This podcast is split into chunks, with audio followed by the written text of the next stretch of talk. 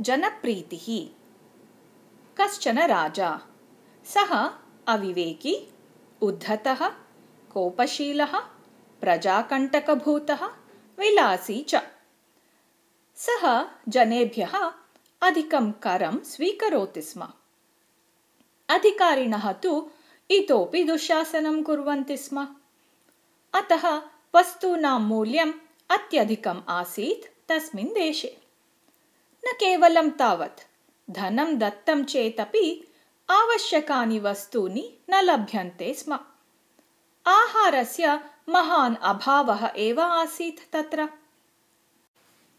अथ कदाचित् राज्ञः पुत्रौ सञ्चारार्थं प्रस्थितौ। अश्वौ मदभरितौ आस्ताम्।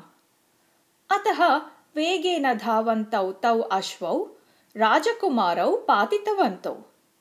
जनाः करुणया राजकुमारयोः समीपमागत्य भवन्तौ कौ इति विचारितवन्तः आवां राजपुत्रौ इति उक्तवन्तौ राजकुमारौ म्रियेताम् इति उक्त्वा तयोः दूरे स्थितवन्तः जनाः भवतोः पिता महतीं पीडां जनयन् अस्ति न ज्ञायते अग्रे भवन्तौ अपि अस्मान् कियत् पीडयिष्यतः इति। निर्गच्छतामितः इति अकथयन् ते सकोपम्। एतत् निन्दनं सहमानौ तौ राजपुत्रौ मौनेन अग्रे प्रस्थितवन्तौ।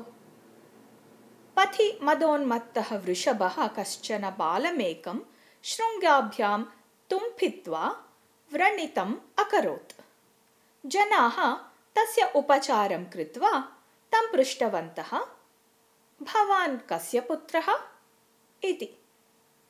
पूजार्थं यः पुष्पाणि वितरति तस्य पुत्रः अस्मि अहम् इति उक्तवान् सः बालः।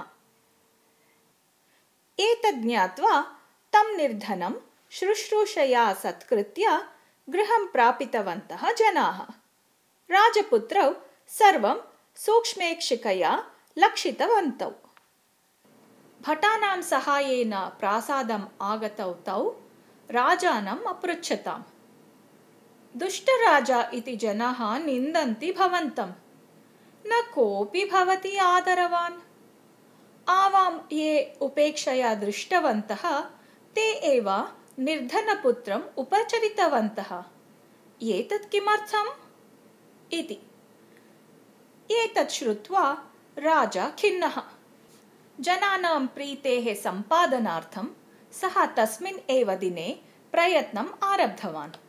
जनाः कष्टनिवेदनं कुर्वन्तु परिहारञ्च प्राप्नुवन्तु इति सर्वत्र घोषणाम् अकारयत् सः।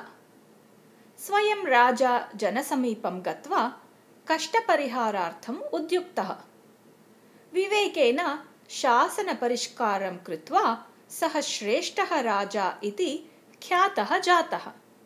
स एव चालुक्यचक्रवर्ती षष्ठः विक्रमादित्यः